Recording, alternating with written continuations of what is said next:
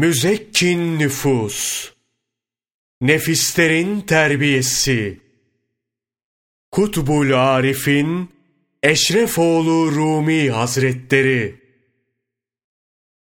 Mürşidi Kamil'e teslimiyetin şartları, Mürşidi Kamil'e teslimiyet, beş şartla mümkündür. Şartlardan biri eksik olsa, teslimiyet kamil olmaz, eksik kalır. Her müridin nasibi teslimiyeti kadardır. Teslimiyeti tam olan mürit, şeyhte olan nasibini zorlanmadan kolaylıkla alır. Bu şartlar nedir? Şimdi bunları anlatayım. Birincisi, şeyh kabul edip kendisine mürid olunan mürşide tertemiz bir itikatla bağlanmak. İkincisi, mürşidin huzurunda sahip olunan bütün mülklerden vazgeçmek. Üçüncüsü, sıdk ve doğruluk. Dördüncüsü, şeyhe satılmış bir köleymiş gibi kabullenip ona teslim olmak. Beşincisi ise şeyhinin elinden tutup tevbe etmek. Bütün günahlardan kaçıp uzaklaşmak. Şeyhin muhabbetini gönülde sağlamlaştırmak. Bütün sevgililerden daha fazla şeyhin sevgili olması. Kişinin şeyhini oğlundan ve kızından, malından, hatta nefsinden ayrı tutmaması. Müridin teslimiyeti bu beş şarta bağlıdır.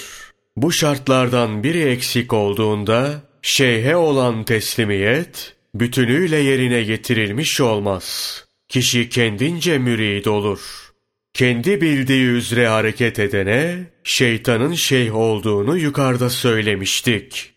Allah ona rahmet eylesin. Şeyh Necmettin şöyle der.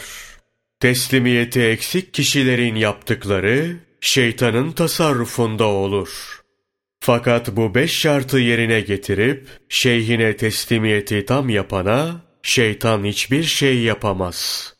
Beş şartın birincisi için Temiz itikat dedik. Müridin şeyhine itikadı şöyle olmalıdır. Beni Allah Celle Celaluhu'ya bu şeyhten başkası ulaştıramaz.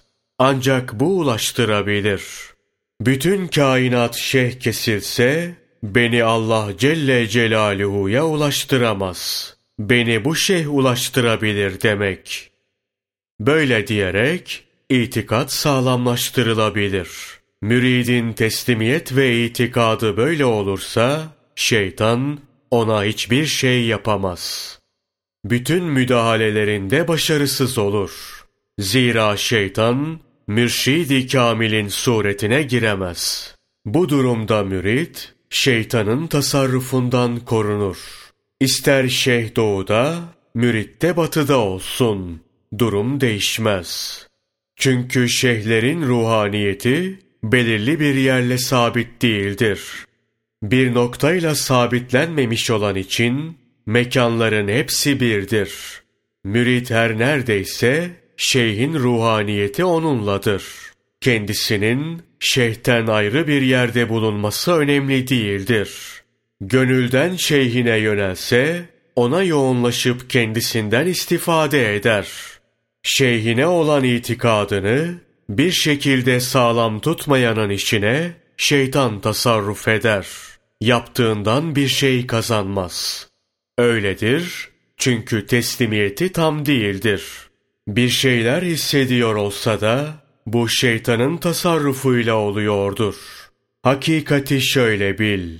Mürit tevbe etmek üzere şeyhinin elini tutup tac ve hırkayı giydiğinde şeyhin elini Resul-i Ekrem sallallahu aleyhi ve sellemin eli olarak kabul etmelidir. Hakikat böyledir. Mürit şeyhine teslim olduğunda Allah Celle Celaluhu'ya ve Resulü sallallahu aleyhi ve selleme teslim olmuş gibidir. Hak Teâlâ Fetih Suresi 10. ayeti kerimede şöyle buyuruyor.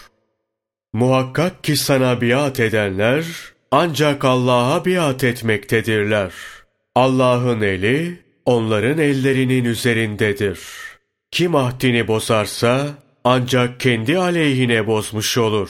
Kim de Allah ile olan ahdine vefa gösterirse Allah ona büyük bir mükafat verecektir. Bu ayet-i kerime teslim olmaya dairdir. Teslimiyete işaret eder.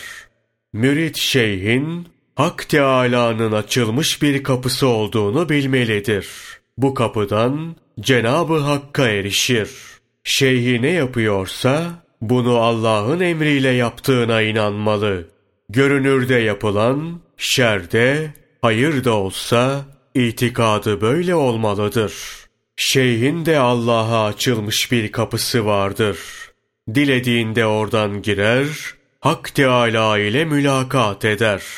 Uyurken de, uyanıkken de bunu yapabilir. Mürşide dair itikadı şöyle olmalıdır. Şeyh müridi hakkında kendi arzusuyla tasarrufta bulunmaz. Mürit şeyhe Allah'ın bir emanetidir. Mürit böyle inanınca kendini mükemmel bir şekilde teslim eder. Şeyh de emaneti zayi etmez. Müridi terbiye edip maksuduna erdirir. Şeyhlerin tümü şunda ittifak etmiştir. Mürit anlatıldığı gibi temiz bir itikatla kendini şeyhine teslim etmezse maksuduna ulaşamaz. Kendisine üstad bulmuş sayılmaz. Şeyhle mürit, ustayla çırak arasındaki ilişkide teslimiyet şarttır. Kimin üstadı yoksa veya kim üstadına uymuyorsa kendi görüşüyle hareket ediyor demektir. Bu durumda onun üstadı şeytandır.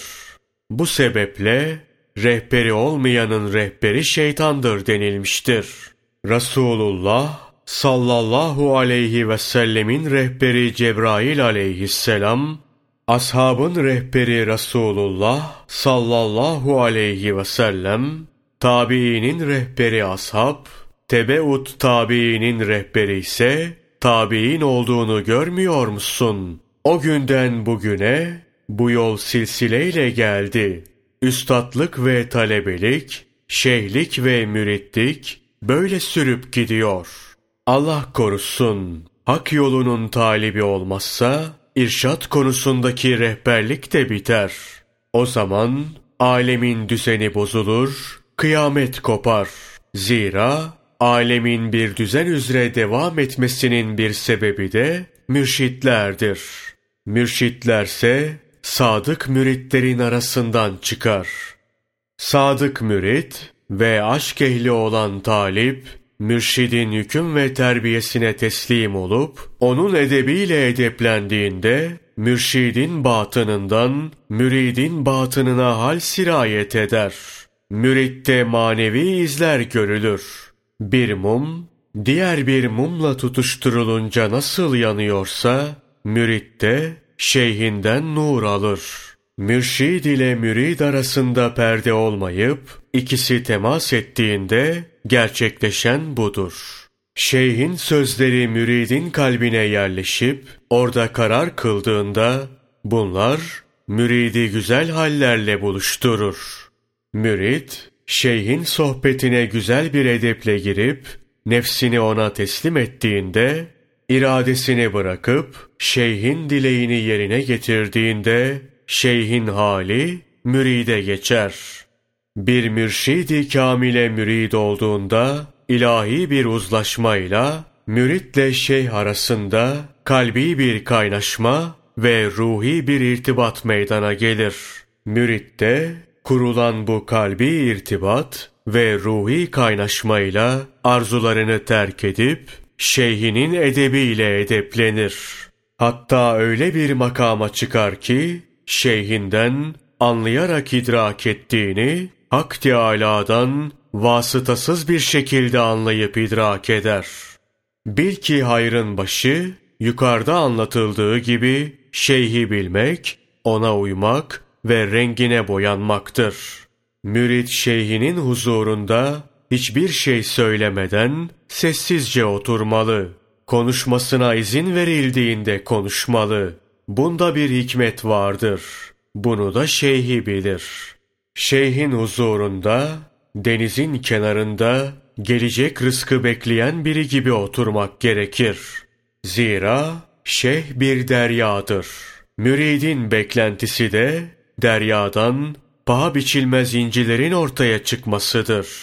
Bu sebeple şeyhin huzurunda saf bir halle oturup onu can kulağıyla dinlemek lazım. Şeyh sohbet etmiyorsa öncelikle yapılacak hizmet neyse bununla meşgul olunmalı. Şeyhe yük olan dünya sıkıntılarından birini gidermeye bakmalı. Böyle yapmanın müride çok faydası dokunur. Şeyhin huzurunda söylendiği gibi beklenirse Allah'ın fazlu keremiyle şeyhin sohbetinden manevi rızıklar tadılır. Mürit şöyle inanmalıdır. Yeryüzünde şeyhim gibi keramet sahibi biri yoktur. Gönlünü bu itikada terk etmelisin. Şeyhinin sözünü, işini, verip almasını, bütün hareketlerini hak bilmelisin. Hak tarafından geldiğine inanmalısın. Şeyhinin irşadının, hakkın emriyle yapıldığına itikadın tam olmalı. Böyle düşünmezsen, nefs tam anlamıyla yönelmez. Tereddütlerinden kurtulamazsın. Yerle gök mürşid olsa, şüpheden kurtulmayanı kimse irşad edemez. Kimseden ona bir fayda gelmez. Yerle gök arasında duracak yeri olmaz. Buraya kadar şeyhe itikadın nasıl olması gerektiğini öğrendin. Şimdi doğruluk nedir? Bunu sana anlatayım. Bil ki müritliğin ikinci şartı doğruluktur. Talibin talip olduğu yolda doğruluk şöyledir. Bütün malını, başını ve canını bir tarafa, yalanı da diğer tarafa koysalar, her şeyden vazgeçip yalan konuşmayacaksın. Yalana niyet dahi etmeyeceksin. Zira yalan söylemek bütün dinlerde kötüdür, günahtır, haramdır. Her durumda yalandan sakınmak gerekir. Şeyhin kapısına gelip mürid olmanın maksadı hak için olmalıdır, nefs için değil. Doğru olup hakiki müritlerden olmak esastır. Hakiki mürit bu yola doğrulukla gelendir. Şeyhin kapısına gönüllerinde doğru bir niyetle gelmeyen bu zat şöhretli. Ben de varıp kendisine mürid olayım. Böylelikle saygı göreyim. İnsanlar bana hürmet etsin, beni aziz bilsinler. Beylerin yanında bu zatın sözü geçer. Büyüklerin yanında itibarı vardır. Yanında bulunursam bana da bir nasip düşer. Ben de beylerin ve büyüklerin yanında rağbet görürüm diye düşünen yalancı olmuş olur. Bu niyette gelenin itikadı temiz değildir. Mahrum, kirli ve bulanıktır. Allah korusun. Bunlar Ali İmran suresi 61. ayeti kerimede belirtilen taifedendir.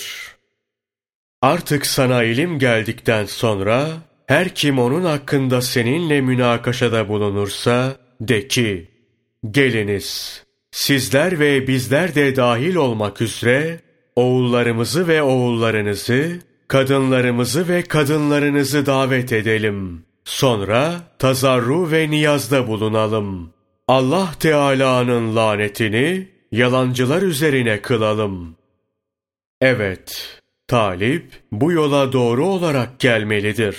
Bu yolculuğa çıkan temeli doğruluk üzerine kurmalıdır. Böyle olmalı ki işi hayırla tamamlansın. Zira doğruluk en sağlam temeldir. Böyle sağlam temel üzerine kurulan yapı yücelerin yücesine erişir. Hiçbir zaman doğru olmanın kaybı olmaz. Bu sebeple Hak Teâlâ Tevbe suresi 119. ayeti kerimede şöyle buyuruyor. Ey iman edenler! Allah'a karşı gelmekten sakının ve sadıklarla beraber olun. Doğruluğa ve sıdka yetişen, hakikate varıp büyük saadet bulmuştur.''